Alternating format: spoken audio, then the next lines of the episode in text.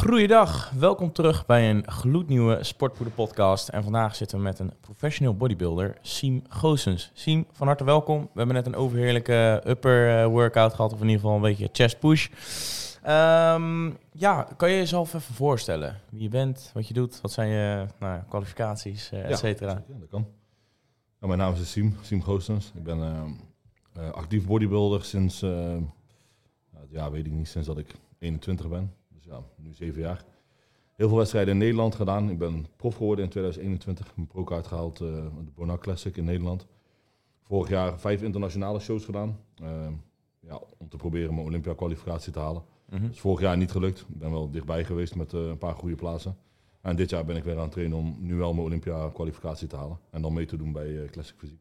Ja, nou, nice man. Ja, want je zit nu ook in prep. Ja. Ehm, en eh, je, wanneer is jouw eerstvolgende wedstrijd? Eh 13 augustus. staan 13 de eerste augustus. dus. Ja. En je bent dan nu al aan het beginnen met eh, dro- droog trainen, om maar zo Ja. te zeggen, zoals we dat noemen. In de... En ehm, ja, hoeveel calorieën is jouw maintenance normaal? Normaal, ik denk dat ik eh, ben geëindigd. eh, ja, in mijn off-season zeg maar. Ja. Met tussen de 5 en 5.500 calorieën per dag. Ja. En hoeveel zit je nu ongeveer op? Nu ja, tussen de 4100 en 4500. Ja, Daar ja, ben ik want- toch de eerste week al eh 4 kilo of zo mee afgevallen. ja. Zal ook deels wel vocht zijn en misschien maaginhoud. Ja, is wel Vocht is altijd het eh, grote vraagteken, eh, wat, het, eh, wat het precies is. Ja, Ja, precies. want ehm, ja, bij, zo'n prep, hè, wat, wat komt daar allemaal bij kijken? Mensen zullen natuurlijk het snelste roepen, ja, kuurtje, dit, dat, zo, zo. Nou ja, ja, maar dat is misschien eh 1% van het hele werk. Ehm, als je kijkt naar jouw dagelijkse routine, wat jij daarvoor moet aanpassen, wat moet je dan allemaal doen voor zo'n prep? Ja, ik zit eigenlijk heel het jaar wel een beetje in dat ritme natuurlijk. Ehm, alleen, ja, als je langer in off-season bent, dan laat je de teugels wel een beetje los. En kun je af en toe nog wat andere dingen eten dan structureel elke dag precies hetzelfde. Zoals bijvoorbeeld McDonald's. Ja, zoals bijvoorbeeld eh, McDonald's. Hè. Maar nu is het wel gewoon zo, ja, dan moet ik echt ja, elke dag zo gestructureerd bezig zijn. Elke dag precies hetzelfde eten. Ehm, en dat schema, dat moet je gewoon volhouden. En daar komen dan een aantal hoeveelheid stappen per dag bij. Hoeveelheid cardio per dag. Ehm, ja, en alle standaard training die ik dan in de week heb. En het is eigenlijk, ja, je zou bijna kunnen zeggen saai, omdat het zo repetitief is. Week in, week uit hetzelfde. Mhm. Ehm, ja, omdat het gewoon resultaat is wat je alleen kan klaarspelen door het langdurig te doen en constant en consequent te blijven. ja. Eh, en anders lukt het gewoon niet. Dus ja, dat is eigenlijk het, de key eh, van het hele proces om dat goed te behalen. Ja. Ik kan er ook weinig eh, leuks en spectaculairs van maken, man. Dat is het. ja. ja, het is inderdaad gewoon eh, kleine stapjes naar, naar beneden met je calorieën. En dan, eh, ja, want je wilt ook niet gelijk te hard droppen, want dan heb je natuurlijk kans dat je spiermassa inlevert. Ja, ja, en dat mag natuurlijk niet op podium. Hè. Nee, ja, liever niet. hoor. Ik ben heel Ja. natuurlijk aan het bouwen ervoor en Ja. wil je niet, niet Over- inleveren. Over het podium gesproken. We hadden het net tijdens het trainen over dat jij natuurlijk je pro-card had gehaald bij de William eh, Classic. En, en jij mag dus meedoen aan de Olympia. Ja, als ik een pro-show ga winnen wel. Ja, als je Ja. pro-show gaat winnen. Dus dat, die ga je 13 augustus ga je die winnen natuurlijk. Dat is wel de bedoeling, ja, Dat- Dat is zeker. de bedoeling, ja precies. Ja, Ja. en Olympia is, wanneer is dat ook alweer? In, dit, dit jaar in november. November. Nee, in, ja, november. Ja. in november. Wil je hem dan gelijk doorpakken? Of wil je dan een jaar wachten? Of eh, Dit jaar bedoel je? ja, Nee, maar het is wel, als je kwalificeert in dat jaar, moet je wel dat jaar gelijk meedoen, zeg maar. Ah, oké. Oh, er En- zit een houdbaarheidsdatum op. Ja, je moet het, je, ieder jaar moet je kwalificeren om mee te doen. En degene die kwalificeren zijn degene die een pro-show winnen. eh, Mhm. Of degene die genoeg punten hebben. Of degene die het jaar daarvoor de top 3 of top 5 hebben gehaald. Afhankelijk van de klasse. Ja, Dus eigenlijk moet ieder jaar iedere atleet eh, opnieuw kwalificeren. ja. Ook als het jaar daarvoor er al... Ja, ze moeten ook aan kleinere shows meedoen, om maar Ja. zo te zeggen. De. Degene die standaard op de Olympia staan. Juist. Dus een Urs, Wesley, Chris zelfs, eh et cetera. Ja, Chris die is dan Mr. Olympia, dus die mag altijd terugkomen, zeg maar. Ah, oké, oké. Hopelijk, hebben we eh, uitzondering gemaakt, hè. We ja. moeten ook een keer winnen misschien. Ja, ja, dan, dan, hoef, dan hoef je niet die kleine shows eh, tussendoor te Of na kleine shows. eh, eh, eh, niet zo humbled, maar in ieder geval Kwalificaties. inderdaad. Ja, want ehm, ja, jouw, jouw prep. eh, je zei net van nou, eh, ik zit ongeveer eh, nou, vier maanden in, in prep dan. eh. Om maar zo te zeggen. Dus dan zit je in een eh calorieën tekort. eh, ten opzichte van wat je normaal doet. Ehm, binnen die prep zitten daar verschillende fases in. Als je kijkt naar die, dat vier maanden traject, om maar zo te zeggen. Ja, in principe wel. Eh, alleen is het niet per se vooraf helemaal uitgestippeld. Ehm, je begint inderdaad met een, ja, een drop in calorieën. eh, om te zorgen dat je gewicht omlaag gaat. In mijn geval moet dat, omdat ik mijn gewichtslinie moet, ha- moet, moet halen. Hoeveel procent is dat ongeveer? 20 of zo? Ehm, Dat je de eerste week, weken dan dropt? waar je eraf zou halen. Ja. Ja, ja van eh, tussen de 5 en 5,5 naar ja, tussen de 4 en 4,5. Dus ja, ongeveer ongeveer 20%. 20%, ja. wat er dan afgaat. Ja, plus je schrapt dan natuurlijk alle cheats die je dan normaal eet. Niet dat ik nou elke keer ga cheaten, maar als ik in off-season ben, dan eet ik wel gewoon wat ik wil bovenop mijn schema, zeg maar. Ja, Dan heb ik het geluk dat ik niet echt dik word. Maar ja, door dat gewichtslimiet moet ik wel 25 kilo in totaal afvallen. Dus misschien een beetje... wordt wel heavy, man. ja. maar jij hebt sowieso wel een relatief eh, snelle stofwisseling. Ja, ook, ja, ja, gelukkig wel. Ja, Ja, Ja, we, we hadden het er natuurlijk net over tijdens het trainen dat, eh, dat jij ehm, eh, toen je begon op je 17e, want je bent nu 28, trainde Ja. dan 11 jaar. Toen woog je 64 kilo en je weegt nu hoeveel? ja ik, nu, vanmorgen was ik weer 120 rond. Maar, Oké, want je woog 124 toen je begon. ja, mijn eh, zwaarste, mijn einde bulk was 123, kom maar nog wat. eh, dat is een goede bulk.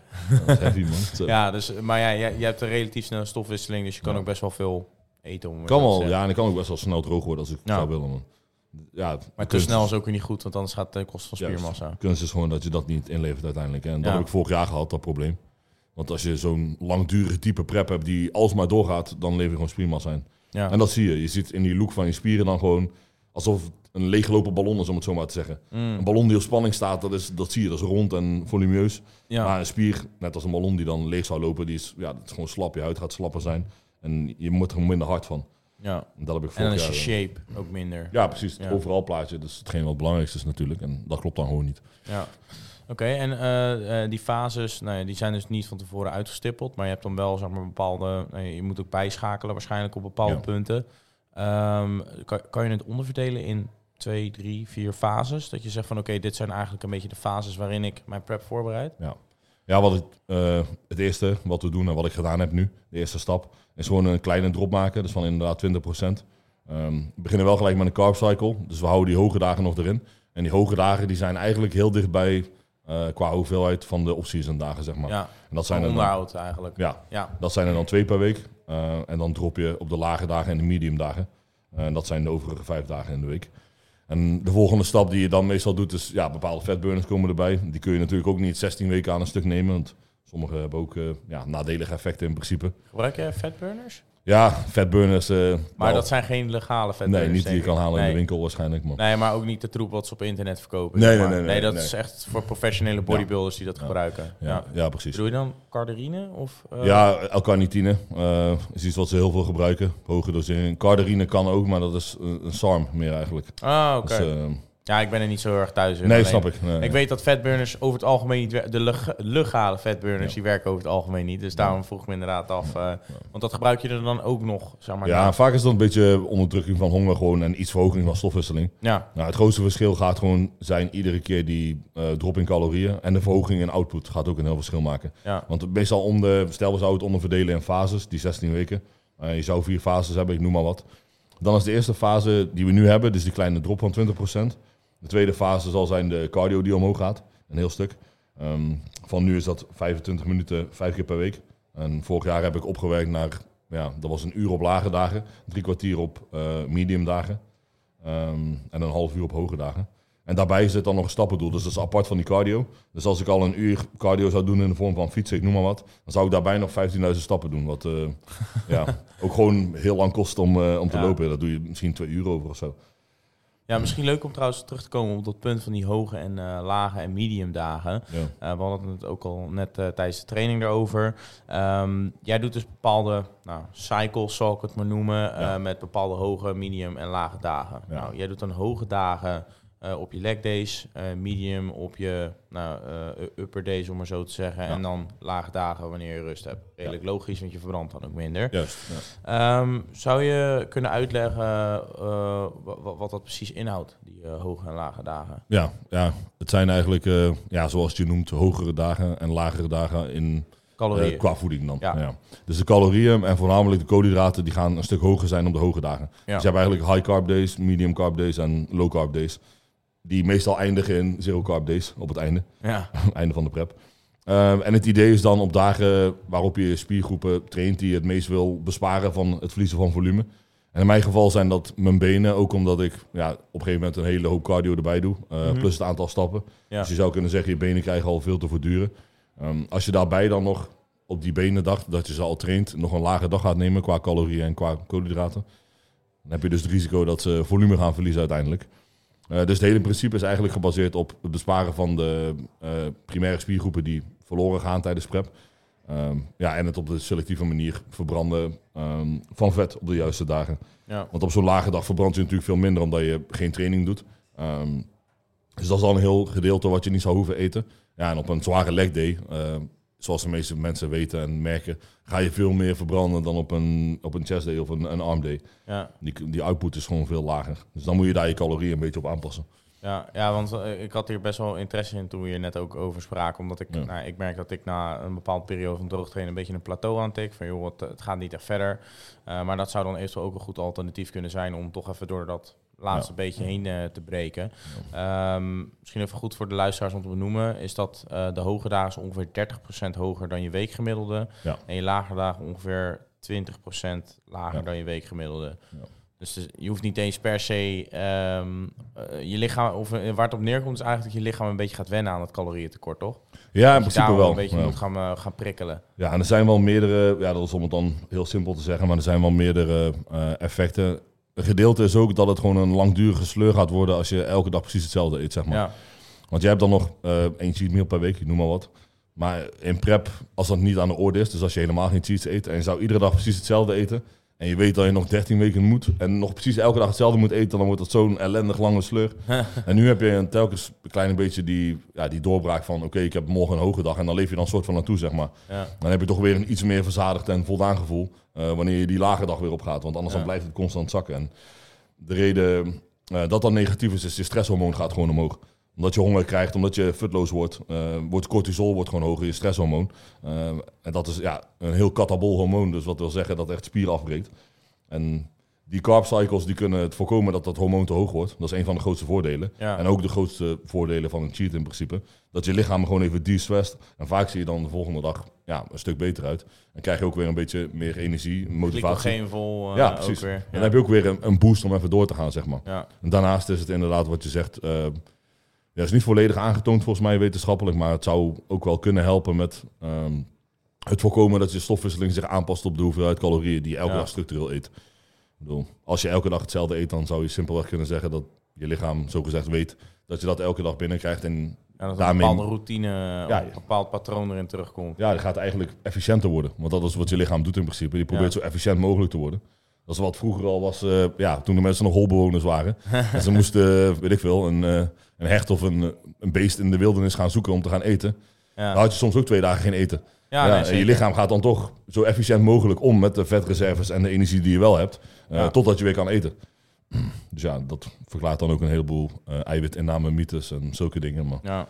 Ah, in principe op die hoge en lage dagen, dat gaat dus eigenlijk puur om carbs. Want eigenlijk het verschil tussen bulk en kut is volgens mij ook voornamelijk eh, alleen koolhydraten wat hoger of lager is. ja, liefst wel. Ja, en, en bij kut is dus eigenlijk ja, hoeveelheid eiwitten en vetten blijven dus nauw genoeg gelijk. Alleen je koolhydraten gaan dan omhoog of omlaag. Dus in plaats van dat je 100 gram rijst neemt, op een lage dag neem je 200 gram rijst op een hoge dag. Klopt, Zeg maar wat. ja. ja. Dat is Ja, eigenlijk dat een beetje voor de, voor de gemiddelde hobbysporter dat ze een beetje snappen in hun Ja. eh, perspectief hoe je dat eh, kan, eh, kan oppakken. Ja, plus het idee erachter is ook, koolhydraten zijn de brandstof. Dat is het enige waar het voor gebruikt wordt eigenlijk. Ja. En eiwitten zijn natuurlijk ook de bouwstoffen van je lichaam, van je spieren en alle andere Ja, weefsels. en de retentie natuurlijk voor Ja. spierbehoud. Ja. Dus die wil je niet verlagen. En hetzelfde met vetten, die spelen een heel belangrijke regeling in je hormoonshuis- hormoonhuishouding. ja. Dus ook voor testosteron en alles. Als je je vet veel te laag gaat doen, dan gaat je testosteron, ja, zelfs, naturel bent. zelfs als je niet naturel Ja, dan misschien niet echt, nee. nee, nee, Maar- maar, zelfs als je niet naturel bent, kan het ook eh, best wel heel erg daarop Uiteindelijk wel, man. Als je op een bepaald vetpercentage komt wat echt gewoon niet ideaal is, je lichaam wil daar gewoon niet op functioneren.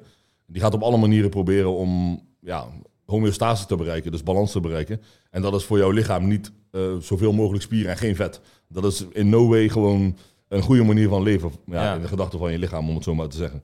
Want die denkt gewoon puur aan overleven. En wat is een ideale basis daarvoor? Een klein beetje vet en veel spier. Maar Ja. niet alleen maar spier en nul vet. Dat is, ja. Ja, dus je werkt eigenlijk de natuur tegen, om het zo maar te zeggen. Ja, dat sowieso. Maar ja, je bent jezelf ook wel een soort selectief aan het uithongeren. Ja, precies, Eigenlijk op lange termijn, maar wel gecontroleerd. Ja. Eh, want jij hebt zelf ook een coach, toch? Ja, klopt. Ja, Ja. ja. ja. En- vooral eigenlijk om nog een, eh, iemand erbij te hebben die ja, op, Even objectief kan zijn. meekijkt, stok achter de deur. Ik heb mezelf ook gekozen, maar je gaat jezelf saboteren, man. Dat is echt... eh, ja, ja, wat bedoel je dan met saboteren? ja, om- je zelfbeeld, of tenminste de manier hoe jij naar je kijkt, is nooit ja, je realistisch, denk twijfelen ik. aan jezelf waarschijnlijk ook. Ja, je gaat... ehm, wat ik vaak had, dan dacht ik van... Oké, ik ben niet droog genoeg, dus ik moet nog extremer gaan. Ik moet nog meer gaan cardio, ik moet nog minder gaan eten.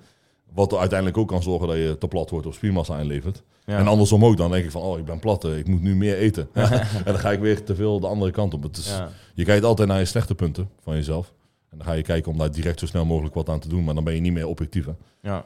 ja, en eh, cardio in je kut. Er wordt vaak eh, nou ja, gezegd van ja, cardio is een laatste redmiddel tijdens het kutten. Dat je zegt van oké, een latere periode ga ik dat toevoegen om eh, toch nou ja, eh, eh, mijn stofwisseling omhoog te krijgen. Of in ieder geval de verbranding omhoog te krijgen. Ja, Wanneer zou jij ze, ja inderdaad, wanneer zou jij ongeveer zeggen van oké, vanaf dat moment in je cuttingsperiode moet je beginnen met cardio gelijk? Of na een bepaalde fase bijvoorbeeld? Of, Mm, Ja, het zal per persoon verschillen natuurlijk.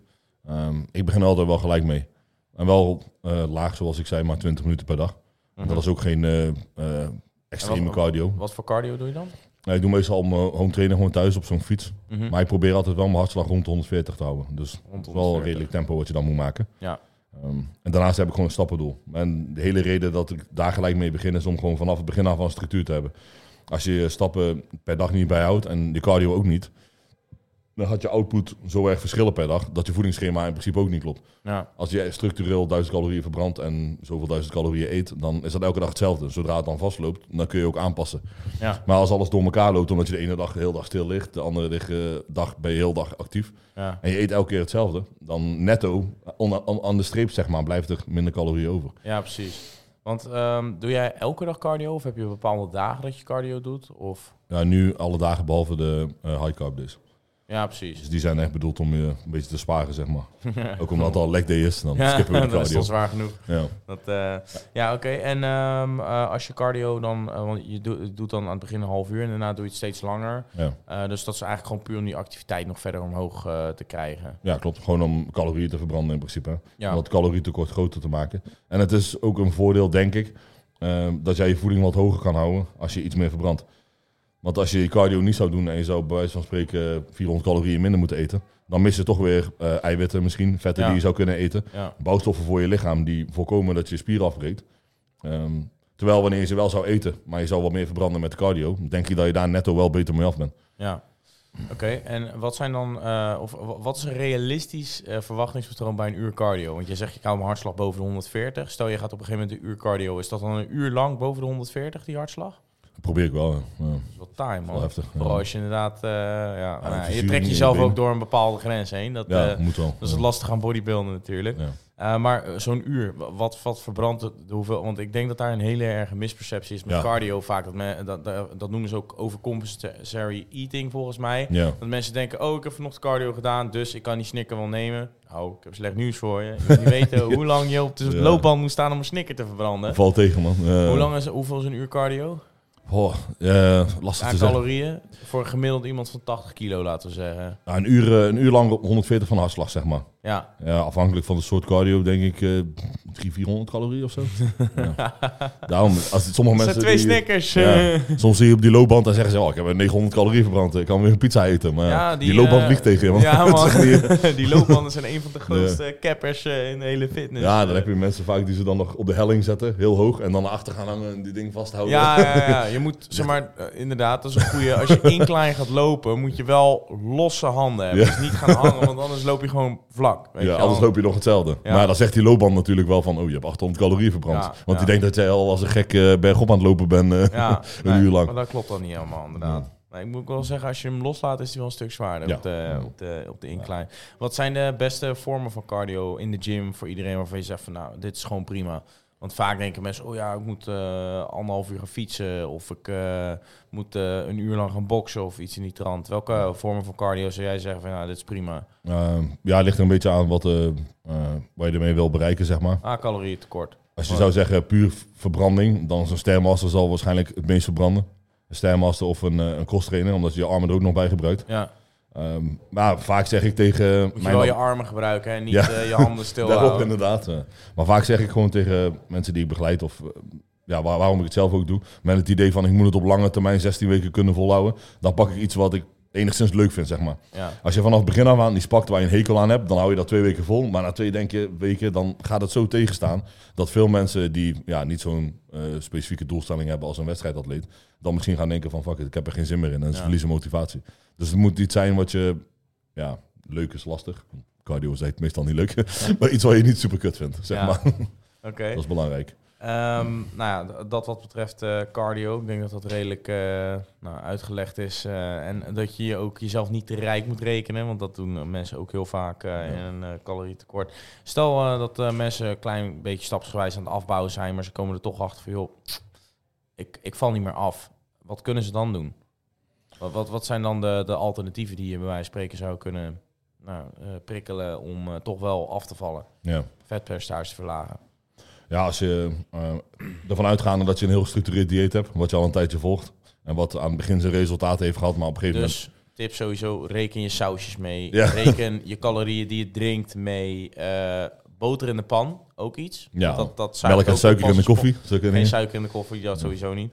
Koffie mag, alleen volledig zwart. Ja, ja en ook al zou je er melk in doen, kan wel, maar tel het dan mee. Ja, ik heb mensen sowieso. eh, gehad die zeggen, oh, ik kan niet afvallen. Dan zeg ik, ja, ik volg precies wat ik, eh, waar je opschrijft, maar ik snap niet, ik val niet af. Dan zeg ik, ja, drink je koffie op een dag? Ja, acht keer of zo. Zeg, doe je melk en suiker erin? Ja, hoezo? Dan denk ik, ja, nou, doe dat keer acht. Wat heb je dan? Ja. 300 Dat is calorieën? precies je tekort. Ja, dat, zo, dat is nou weg. Ja. dus ja, mensen inderdaad zijn niet goed in het inschatten van calorieën. Dat is uit zoveel onderzoek al gebleken. En het is ook heel moeilijk, want labels kloppen soms niet. Ehm, mensen ook wegen misschien gekookt af in plaats van ongekookt. Eh, Ja. Hoe lang kook je het? Het gewicht verandert. Er zijn zoveel dingen die meespelen. Moet je ongekookt of gekookt wegen? Eh, het kan allebei, maar dan moet je altijd even lang koken en evenveel water gebruiken. Als je rijst zou gebruiken. Ja, precies. Als je rijst bijvoorbeeld 12 minuten kookt in plaats van 8 minuten, kun je het ook eten, maar gaat het zwaarder zijn. Ja, ja, precies. Dus dan krijg je alsnog meer calorieën Ik doe binnen. altijd ongekookt afwegen. Is dat beter? Of? In principe wel. Ja. Want ja, Ja, dat is ook altijd eh, kun- kunnen eigenlijk kan voeding veranderen onder eh, de vorm van temperatuur of dat er vocht bij komt? Want in principe rijst wordt zwaarder, alleen Ja. dat het vocht dat erin komt. Dus dat is Klopt. niet. Ik kook mijn rijst altijd wat langer, zodat het wat voller Ja, is. dat doe ik ook. Ja. Alleen het probleem is dus als je dat altijd doet en je weegt het altijd gekookt af. Ja, en er is bijvoorbeeld een moment waarop je het minder lang kookt. Dan ga je opeens meer binnenkrijgen. Ja, Want precies. die 200 gram minder lang gekookte rijst dus eh, is veel meer. ongeko- Best gewoon ongekookt afwegen dan. Ja, als je zeker van je zaak wil zijn. Wel, ja. Oké. En andere dingen die je bijvoorbeeld verwarmt of zo. Voor mij is er één ding. Even kijken, ik zag het laatst voorbij komen op, eh, op social media of op TikTok. Eh is dat bleekselderij? Als je dat verwarmt, dat dat dan meer calorieën bevat of zo? Eh, Er zit sowieso al amper wat in, dus misschien kun je Ja. beter verwarmen dan. Nee. Nee, maar voor mij, eh, over het algemeen, of je het verwarmt of verkoelt, de, de, de, de hoeveelheid energie wat erin zit, blijft hetzelfde mij. ja, ja, rauw gezien wel, ja. Ja. Oké. Ehm, ja, nou in ieder geval, dus we- weeg alles af, meet alles. Ja. Ehm, eh, cardio kan dan eventueel, als je nog meer cardio gaat doen, ehm, zou jij adviseren om gelijk veel stappen te zetten als jij begint met een calorieëntekort? Ik zou niet adviseren om gelijk veel stappen te zetten, maar wel om het bij te houden, zeg maar. Ja. Dat je in ieder geval weet hoeveel je er per dag zet. En eh, ja, hoeveel ruimte er is om bijvoorbeeld meer te doen. ja, precies. Dat is sowieso key bij ieder eh, dieet wat je gaat beginnen. Sommige mensen die droppen veel te veel aan het begin. Eh, wat erin resulteert dat ja, iedere keer wanneer je tegen een plateau aanloopt, kun je dus een stukje verlagen om weer progressie te maken. Maar als jij op 2000 begonnen bent en je moet verlagen naar 1600 en je gaat niet meer afvallen en je moet verlagen naar 1200, dan wordt het al heel snel niet leuk meer, man. Nee. Terwijl als je begonnen bent op een basis van 3000 en je kan zo stapsgewijs afbouwen, dan heb je veel meer landingsbaan, om het zo maar te zeggen, om Ja. uit te rollen zonder dat je jezelf tegen de grond aanramt. hè. Ja. Hey, en eh, een sixpack. Eh mensen, meestal zeggen mensen abs are made in the kitchen. Eh, je ziet ook vaak mensen in de gym in de maand mei voor juni 30 sit-ups, 40, 50, 60 sit-ups doen. Als jij een goede buik wil, moet je dan 60 sit-ups doen. Ga die echt werken, denk ik, man. Ja. je kan Wat is de goeie- beste manier om, eh, om een sixpack te krijgen voor de zomer? droog genoeg zijn, hoor. Als je droog genoeg bent, zie je hem. Ik bedoel, Ja. iemand die niet traint, die geen vet heeft, die heeft ook een sixpack. Dus ja. Ja. Alleen ja, je kunt natuurlijk wel trainen dat hij iets gedefinieerder wordt. Maar het is niet zo net als je benen dat je er heel veel massa op kan plakken. Nee. En dat ga je alsnog niet zien, tenzij je droog genoeg bent. Dus ja, als je een zichtbare six- sixpack wil, dan ga je gewoon eh, op je eten moeten letten. Dus dan moet je een calorieën tekort hebben. Ja, en eh, ja, of je moet genetisch gezien geluk hebben. eh, of pech hebben waar je je vet vasthoudt. Ja. En eh, nou ja, dan de, dus een calorieën tekort. Eh, maar buiktrainen, eh, hoe zou je dat dan eventueel moeten aanpakken? In de zin van eh, welke rep range zou je dan moeten doen? Want heel vaak gaan mensen 50 sit-ups doen. Alleen dat is helemaal niet de manier hoe je je buik wil trainen, toch? Nee, ja, je wilt altijd een bepaalde mechanische belasting hebben. En met sit-ups is dat moeilijk, want ja, je kan niet echt gewicht toevoegen. Nee. Als je bijvoorbeeld een legpress zou hebben, dan is het makkelijk. Als je een mechanische belasting wil verhogen, dan hang je er gewicht aan. Ja. Maar bij sit-ups heb je dat niet. Je hebt wel apparaten ervoor en die zou ik dan altijd aanraden. Eh, gewoon crunchapparaten. Ehm, zo'n machine waar je in kan zitten, weet je wel. Of Ja. eh, zo'n touw die je naar voren trekt. Dat je het, ja, je spier zwaar genoeg kan belasten. Dat je met moeite 15 reps kan doen. 15 of 20. Ja, Dat is voor een ideale rep dat is, meer, ja, dat is meer dan genoeg voor mijn Ja. buik, toch? Ja. Ja, want anders dan zou je... Ja, anders kan ik ook een blik tomatensoep eh, uit de kast halen en eh 400 reps eh, bicep curl doen. en dan verwachten dat mijn arm gaat groeien. Want ja, zo werkt het niet, man. je hebt een bepaalde mechanische belasting nodig. Dat vind ik een mooi voorbeeld. Maar het gaat fucking pijn doen. Ja, Probeer. nou ja, zeker. Ja, en als we dan kijken naar intensiteit eh, wat betreft training. Want vaak denken mensen van, oké, ik heb vandaag twee keer getraind, dus ik mag vanavond Mackie. Ja. Ehm, wat is de gemiddelde caloriehoeveelheid wat je verbrandt met één training? Oh. Eén krachttraining. Voor mij niet zo heel denderend veel. Nee, man, ik denk niet zoveel meer als dat uur cardio. Ja. Misschien zelfs minder. Afhankelijk van hoe hard je traint. Maar ja, maar als we de gemiddelde persoon pakken. Speelt het ook nog een hele grote rol? Wij hebben natuurlijk net af en toe ook nog wel eens tussen een setje veel staan lullen. Maakt dat heel veel uit? Ik vind, dat, ik vind altijd genoeg rust vind ik ook fijn. Zodat Ja. ik even een beetje kan opladen, dat melkzuur. Ja. Ook weer even Ja. een beetje... eh, Je moet denken, als je een, een zware leg day zou doen, met weinig rust ertussen, dan gaat je hartslag wel constant verhoogd zijn, anderhalf uur lang. Terwijl wanneer je ja, een schouderdag zou doen en een beetje rust neemt tussendoor, dan gaat je hartslag wel boven rust zijn, maar die gaat niet extreem hoog zijn. ja. Wat erin resulteert dat je in principe minder calorieën verbrandt. Maar hoe groot dat het verschil dan echt is dat het merkbaar is, Lastig een paar honderd calorieën misschien. Eh, ik denk Ja. niet dat je met een krachttraining nou eh, 1500 calorieën of zo verbrandt. Eh, bij lange na niet. De helft misschien. Nee, ja. Dus, eh, maar is, is want heel vaak gaan mensen rare fratsen uithalen tijdens droogtrainen. Ze gaan in één keer het dubbele aantal reps doen van normaal. Nou, Ja. ik denk dat dat nu al duidelijk is dat ze dat niet hoeven te doen. Was altijd een beetje inderdaad uh, Ja, de gedachtegang. Uh, ja. Je hoeft geen uh, 20 reps te gaan doen, gewoon hetzelfde blijven trainen. Want anders je ga gaat- je juist spiermassa verliezen, toch? Ik denk het ook, ja. Ik denk ook niet dat je meer gaat verbranden omdat je ineens 20 reps doet in plaats van 10. Nee. En de Ja. belasting wordt ook minder zwaar, waardoor dus je hartslag ook minder snel omhoog gaat. Ja, waarschijnlijk wel. Ja. Dus netto dus ben je, minder verbrand. ja, netto ben je slechter af. eh. Ja. Ja, die hele mythe van je moet meer reps doen omdat je aan het kutten bent. Dus, Ik weet niet waar die begonnen is, maar eh, we zijn hier om te ontkrachten. Bij deze. Doe het niet. eh, Doe het niet. Gewoon hetzelfde tra- blijven trainen als dat je altijd doet. Ja. Ehm, ja, en dan wat betreft de rust tussen de sets door. Moet je dat ook heel erg ehm, in de gaten houden? Gaat verschillen per oefening, man. Je gaat bijvoorbeeld bij een zware squat, eh, ja, daar heb je echt soms drie minuten nodig om van bij te komen. Je hele lichaam is gewoon in stress. Al Omdat die je, Bulgarians, die zijn echt heel Ja. kut. je hele lichaam is gewoon in stress omdat je hem gewoon door zoveel eh, pijn hebt gehaald, om het zo maar te zeggen. Dat je, echt, dat je echt drie minuten nodig hebt om genoeg te herstellen om je set op minimaal net zo zwaar te doen als ervoor, op maximale kracht. ja, Dus dat is wel belangrijk. En met een bicep curl heb je daar ja, natuurlijk veel minder lang de tijd voor nodig. Dan zou je binnen een halve minuut of een minuut alweer aan de volgende set kunnen beginnen. Oké. Ehm, ja, we hadden ook nog eh, de vraag, eh, hoe vaak moet je trainen om resultaten te zien? Dus in de zin van hoeveel frequentie, is misschien een beetje een beginnersvraag, alleen welke frequentie moet je op trainen om op wekelijkse basis, eh, op wekelijkse basis om uiteindelijk progressie te gaan zien? Ja. Wat is de gemiddelde tijd dat het duurt voordat je zeg maar, echt progressie gaat zien? Ja. Ah, hoe lang je bezig bent om echt progressie te zien. Ja, voor je verandering gaat zien in je Ja. situatie die nu is. Eh, als ik zelf begon met trainen en ik was echt serieus, drie, vier weken zie je al wel wat, vind ik. Ja. Ja. Ik bedoel, je gaat geen mega verschil maken. En af- afhankelijk van genen en eh, een hoop andere factoren. Maar als je drie of vier weken echt volle bak bezig bent, dan zou je normaal wel, eh, wel iets moeten gaan Ja. zien. Hoor. Zeker weten. Ja. En als je dan wel kijkt meer naar van, oké, ik wil die progressie verder gaan uitbreiden of verbeteren juist. Als je dan moet kiezen, wat zou je dan moeten doen? Meer gewicht of meer herhalingen? Poh. Allebei denk ik een beetje, man. Ja. Niet per se, ja, meer herhalingen, er zit een limiet aan. En aan gewicht ook natuurlijk. Maar je moet, als je het principe van progressieve overload aanhoudt, dat is eigenlijk een heel belangrijk trainingsprincipe wat, ja, 100%. wat sowieso werkt om eh, 12, Freeman 10, zo te doen. 8, mijn favoriet. Ja, precies. Met het idee, en het kan helpen om een logboek bij te houden, bijvoorbeeld. Niet iedereen is daar fan van. Maar als je de ene week eh 12 reps kan met 100 kilo, dan probeer je die week erop.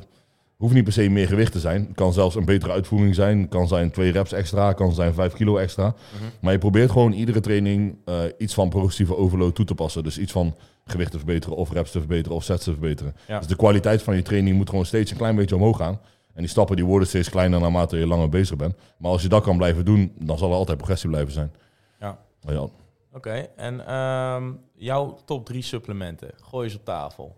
Eh, sowieso eiwitshakes. Dat het, het gewoon... Ah, dat is eigenlijk voeding, toch? Dat kun je Ja, echt als een supplement. supplementen zou je meer echt... eh, Ja, dus gewoon een kleine, eh, voor de micro's, om maar zo ja, te zeggen. precies. Creatine sowieso. Hey, Dus, daar eh, hebben we al. Creatine, onderbouwd... Beste, beste supplement wat er bestaat. In principe is het wel een van de weinigen die echt ja, daadwerkelijk wetenschappelijk klinisch bewezen is. Hè? Ja. En, ehm, En niet alleen voor fitness. hè. Ook, nee, eh, voor, iedere sport. Zelfs mentaal ook. Dat Mentaal, ja. een kan een bepaalde- voordelen hebben. Ja. Ja, bij de een meer dan bij de ander, maar het is wel Ja. iets wat altijd ja, effectief kan zijn. Nou, als je kijkt naar wat het... Nou, het is wel duurder geworden, maar als je kijkt naar wat het eh, doet ten opzichte van wat je ervoor betaalt, kan je dat beter nemen dan de legale Ja, vetburner. vergeleken met sommige supplementen, dan eh, ja. Dus die Ja. zou ik nemen. Eh, omega 3, heel erg belangrijk sowieso voor gezondheid, hartgezondheid. Mhm. En zelfs ook voor testosteronbouw als naturel zijnde. Ja. Als je dat zou nemen, want het zijn toch die essentiële vetten die je nodig hebt en vaak mist, tenzij je echt veel vis op een dag eet, wat niet meer te betalen is. Dus. Ja. kun je misschien Nou ja, beter zeker. dat. Inflatie pakt ons harder. Ja. ja. En ik denk ook, eh, als derde zou ik zeggen, iets van eh een cyclidextrin of een dextrose voor tijdens trainen. Dat is iets wat Ja, ik ik zou altijd... jou net een aatje nemen voor trainen. Ja, dat is een slechte zaak eigenlijk, maar mijn was leeg. Nou ja, nee hoor, maar eh, dat zijn, want eh, kan je misschien uitleggen waarom je dat bijvoorbeeld doet eh, voor trainen? Ja, ik doe tijdens het trainen inderdaad gewoon om te voorkomen dat je, eh, en dat is vooral op een dieet heel belangrijk, als je je glycogeen volledig uitput, dus energievoorraad van je spieren omdat je aan het trainen bent, ehm, dan pak je die maaltijd na het trainen. Ehm, als die geen carbs bevat en als je die carbs tijdens het trainen al gemist hebt, dan is het gat waar je moet opvullen groter, moet je denken. Ja, Dus je graaft het gat wanneer je aan het trainen bent. En ik be- beperk de diepte van het gat dan een beetje, om het maar Jip en Janneke taal te zeggen, ja, ja. door die koolhydraten te nemen tijdens het trainen. Dat wanneer ik mijn maaltijd na het trainen eet, dat al die eiwitten gebruikt worden voor het herstel en eh, het verbeteren van de spieren. ja precies. Terwijl wanneer ik dat hele gat zou graven als een gek en vervolgens ga eten, dan is die ene maaltijd niet eens genoeg om het volledig op te vullen, zeg maar. Ja. En dat komt natuurlijk wel neer op het totaalplaatje, maar dat is een beetje de gedachte erachter. Gebruik jij dat dan ook nog steeds in de latere, laatste weken van je prep als je zo laag in carb zit? Of moet je dat Ja. dan ook op een gegeven moment uitschappen? Het gaat er als een van de laatste dingen of zelfs helemaal niet uit, man. Oké, Mijn carbs gaan uiteindelijk helemaal eruit op sommige dagen, maar dat zijn alleen op niet-trainingsdagen. ja. En op dagen dat ik wel train, is het eigenlijk nooit zero carb. En zitten er altijd carbs voor en na en tijdens het trainen. Hm. Dat zijn de belangrijkste momenten. Ja. Ja. Oké, ehm, ja, en nou ja, ook nog de vraag van wat zijn eigenlijk de beste manieren om een plateau in spiergroei te doorbreken? Mm, ja, het kunnen meerdere manieren zijn natuurlijk. Ehm, eentje is wat ik net beschreef, dat progressieve, over, progressieve overload zo toepassen. Dat je je gewicht erbij houdt. Goed toepassen. Ja, goed toepassen Verleg je inderdaad. grens, Ja. denk ik ook. En ik denk misschien eh, het veranderen van het trainingsschema of een, een deload week kan zelfs ook soms nodig zijn. Hè? Dat houdt in dat je dan een week even wat rustiger traint. Ervan uitgaande dat je al eh, wekenlang progressieve overload aan het toepassen bent. Dus stel dat jij al een trainingscyclus aan het volgen bent van 12 weken. En in die 12 weken eh, probeer je iedere keer of het gewicht of de reps eh, of de aantal herhalingen eh, te verbeteren. Op een gegeven moment kom je op een punt dat je niet meer verder kan. Je gewicht kan niet omhoog blijven gaan, je reps kunnen niet omhoog blijven gaan. En dan kom je tegen een plateau aan. Want je kan niet volume blijven verhogen, want op een gegeven moment wordt het gewoon te veel. En wat houdt zo'n deload wie, wie dan eigenlijk in, inhoudelijk? Ja, dan zou je, juist als je op dat punt komt, dat je eigenlijk aan je max zit van volume. Want meer volume kan je spier gewoon niet aan. Eh, qua herstel, dan ben je gewoon aan het overtrainen. Dan pak je eigenlijk één week, waarin je dan, ja, vaak doe ik dan drie of vier trainingsdagen max. Mhm. En dan train ik eigenlijk op 50% van eh, de gewichten die ik normaal gebruik. Ja, precies. En vanaf daar kun je dan weer eh, die hele trainingscyclus, gas, eh, ja, die kun je dan weer helemaal opbouwen, zeg maar. Maar doe je dat dan ook in prep of doe je dat echt alleen maar in de bulk, eh, zeg maar? Of ja, bulk doe ik meestal gedaan? na de wedstrijd. Ah. Als ik bijvoorbeeld mijn hele prep erop heb zitten, pak ik een deload week, omdat je dan net 16 weken volle bak bent gegaan. ja. Ehm, en daarna bij te komen, bij Ja. te laden. En hetzelfde aan het einde van een bulk doe ik het ook vaak. Ik heb het nu ook gedaan voordat ik mijn kut begon. Ja, Omdat ik al zo lang ehm ja, een calorieoverschot probeerde zo sterk mogelijk te worden. ja. Vaak worden er dan sets aan toegevoegd, volume wordt eraan toegevoegd. En je zit dan op een maximale. Dan pak je even een deload en daarna kun je weer wegkomen met minder volume en kun je het ook weer opbouwen. ja want zo'n prep, eh, je zegt net zelf 16 weken. Ehm, hoe lang duurt het voor je lichaam om daarvan te herstellen? Want het is denk ik best wel, het is een, of in ieder geval, het is een zwaar lichamelijk proces. Ja, dat klopt. is denk ik wel een feit. Ja. Eh, hoe lang duurt het voor jou om daarvan bij te komen? Want je zegt, ik neem een deload week. Ehm, ja, Ja. Het zal best wel een aanslag zijn op je lichaam, denk ik ook. Ja, klopt. Ja. ja, een beetje situatieafhankelijk. Als je meerdere wedstrijden achter elkaar doet, dan moet je dat gewoon meetellen als zijnde prep natuurlijk. Ja, Ehm, maar de laatste keer, ja, toen ben ik van maart tot en met december in prep geweest, wat al heel lang was. Toen heb ik wel één of twee weken gehad dat ik wel nodig had om mezelf weer normaal te voelen, zeg maar. ja. Om eh, je vetpercentage iets hoger te krijgen, weer genoeg hoeveelheid vocht in je lichaam te krijgen. Mhm.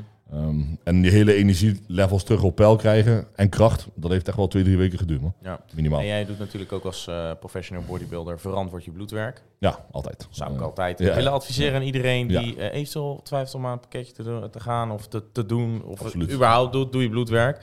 Ja. Doe je dat ook bijvoorbeeld gelijk na zo'n prep? Ik doe het zelfs tijdens, valt me. Ja, natuurlijk. Maar doe je het daarna ook nog eens na zo'n Ja. prep om even dubbel te checken? Heb je dan ook bijvoorbeeld dat je met een dokter eh, nog even schakelt om zeker te weten dat alles goed gaat? eh, Ja, ja, dus wat je zegt, een van de belangrijkste dingen om te doen. En eh, ja, mensen willen misschien vaak hun kop in het zand steken. En denken ja, als ik het niet hoor weet, dat dan... ook steeds vaker als, als je wat niet weet, wat niet deert. Maar dan denk ik echt van gast. Ja, dat, is- dat zijn het uitspraken, dat is maar één leven. En voor de meeste van ons, 99%, gaat dit geen heel veel geld opleveren. Gaat er niet heel je leven kunnen blijven doen. Nee. En heb je ook nog een leven hierna. En als je dat nu verkloot, dan ga je er spijt van hebben. ja. Dus dat is zeker belangrijk. Maar de laatste keer dat ik het gedaan heb, was twee weken voor mijn wedstrijd zelfs nog. En toen was ik al zo lang in prep.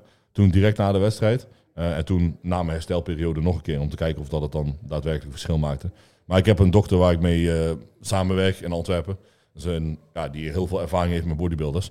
Ja. En die kan ook echt gericht advies geven. Want heel veel huisartsen, dat is niet een eh, specialiteit. Ze Nee. weten eigenlijk niks van... eh, Nee, ze moeten te veel weten. En, inderdaad, ja, ja, de middelen die bodybuilders gebruiken zijn ook niet altijd even legaal of bekend bij de huisarts, om maar zo te zeggen. je zou echt een sportarts moeten hebben, denk ik. Ja, eigenlijk wel inderdaad. Ja, en heb je wel eens gehad, bijvoorbeeld na zo'n prep, dat je dacht van, oh shit, dit is niet goed, ik moet hier aan schakelen of iets niet? Ja, gelukkig niet zo extreem.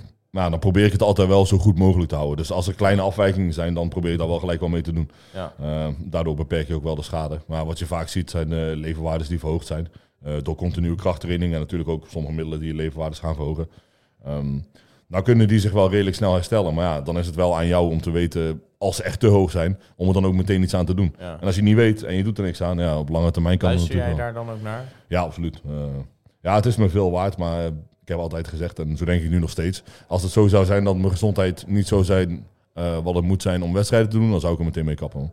Ja, Ja, oké. Ja, nee, snap ik. Dat is, eh, zo, zo hoort het naar mijn mening, denk ik Ja. ook. Dat, eh, want je gezondheid is natuurlijk alles eigenlijk. Ja, als je Dat, dat eh, niet hebt, heb je niks. Nee, want er is natuurlijk een bepaald stigma rondom bodybuilders dat ze zomaar alles doen en niet weten wat, wat ze in hun lichaam stoppen, et cetera. Ja. Maar ik denk dat dat wel de, een van de grootste bullshit fables is bij professionele atleten, want anders zou je er ook niet zo uitzien. Want je moet weten, je moet 100% weten wat er in je lichaam ingaat, Klopt. Want anders kan je er ook niet meer werken. Ja, maar dat is wel een beetje inderdaad gedachte die heerst bij mensen in het algemeen. Dus je allemaal middelen neemt en oh, dat is ongezond. En dat is ook het eerste wat je hoort vaak. Ik heb ook huisartsen gehad en cliënten van mij die naar huisartsen gaan, die een verhaal doen.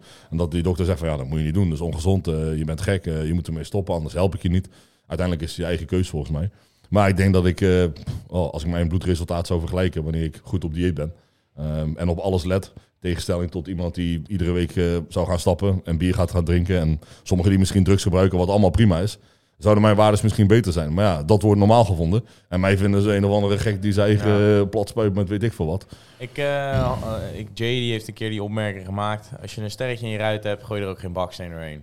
dat vind ik een hele mooie. Ja. Dus ja, we proberen in ieder geval sowieso de schade te beperken en gezondheid optimaal. Precies. Dus ehm, nou, jouw prep, 13 augustus. Ehm, ja, eh, ik ben benieuwd. Wij gaan sowieso er ook even wat posten over op de, op de socials. Eh, zou nice zijn. Dat goed. Ehm, wat, eh, wat is jouw ambitie? Wat, wa- wa- waar gaan we jou zien binnen een jaar, bij wijze van spreken? Hopelijk op de Olympia. Ja, Ja, dat is het plan voor nu, man. Ja. Zou nice zijn. En dan sta je op het podium met Wesley en Chris dan? En binnen die gewichtsklasse? Ja, bij die klasse van Classic Fysiek inderdaad. Ja. Ja, dope man. Zou vet zijn. Nederlands trots op het podium. is Mag droom, Dat is een, eh, toch? Want we, we hebben weinig Nederlandse representatie in de bodybuilding. Ja, ja, er zijn wel een paar goede, maar eh, ja, is, ze zijn ook misschien allemaal niet zo populair of zo. Ze zijn niet echt social media influencers of zo, denk ik. Nou, laten we eens even eh, de top 5 vragen. eh, waarvan jij zegt van dit zijn underdogs, dit, dit moeten de volgers Uit weten. Nederland. Ga ze checken. Ik Ja. wil mijn vrienden ook niet beledigen natuurlijk. nee, ja, gewoon. Nee. Ehm, ja, je hebt Wesley natuurlijk. Eh, hebt William Bonak, maar als je die moet meetellen, dat is al eentje die helemaal aan de top staat natuurlijk. Ja, Misschien zullen we dat niet doen. Eh, Lorenzo, de goede vriend van mij. Lorenzo Leeuw Ja, inderdaad. die is ook echt heel goed. Ja, die was al pro bij een andere bond. En, Gaan binnenkort ook verwacht even wel langs die, eh, voor een videootje in de podcast. ja, man. Die is heel goed. Ehm Siem Gozens. Siem kan ik wil mezelf als laatste noemen. Dingen is ook heel goed, vind ik. Daan, Daan Monsters. Daan Mansens, dat is de coach van Jay trouwens, voor de mensen Ja. die zijn naam nog niet kennen. Ja, ook een goede bodybuilder. Boah, er zijn er wel een aantal. Noem er nog twee of drie op. Of je zegt van, oh ja, die zijn eh, noemenswaardig. uit Nederland. Eh vind Jelle ook wel goed. Jelle Starreveld. Als, Starreveld. ook Axel, bekend. als Axel eh, eh, op een gegeven moment zijn prep helemaal goed zou doen en wedstrijd shape is. Die heeft ook ja, een hele goede toekomst. Die is nog zo jong. Zoveel massa. Dat is echt, echt sick. En Hamza, denk die Hamza Euner, die ken je, die ken je misschien ook niet. Heb ik ook wel eens Ah, tegen gestaan. Ook een hele jonge gast nog, maar een hele goede bodybuilder. Ja. Oké. Ik ben benieuwd. eh, ja, Nederlands trots mag wel wat meer, meer Ja, naar voren vind ik ook, gepusht worden op Ja. het internationale podium. toch? Jij bent ons aan het helpen, hè? Ja, ik blij mee. man. Hey, ja. eh, get, get to know each other. Ja. Ja, nice man. Ik wil je in ieder geval eh, bedanken voor jouw openhartigheid ook. Over, over gewoon je transparantie over het hele nou, ja, vak bodybuilding. Ik dat tuurlijk. daar sowieso wel... nou ja, eh, het stigma mag wel een beetje doorbroken worden. En eh die inderdaad, allemaal eh, een beetje bewustwording. Ehm, en sowieso thanks voor al je tips voor het uh, nou, droogtrain traject of in prep. Ja. Ehm, ja, sowieso volg Siem even op de socials. eh Siem dubbel S. Thanks voor het luisteren. Laat nog even een 5 sterren review achter op Spotify. En tot de volgende keer weer. En Ja. een goede dag nog verder. Ja, Ciao. bedankt.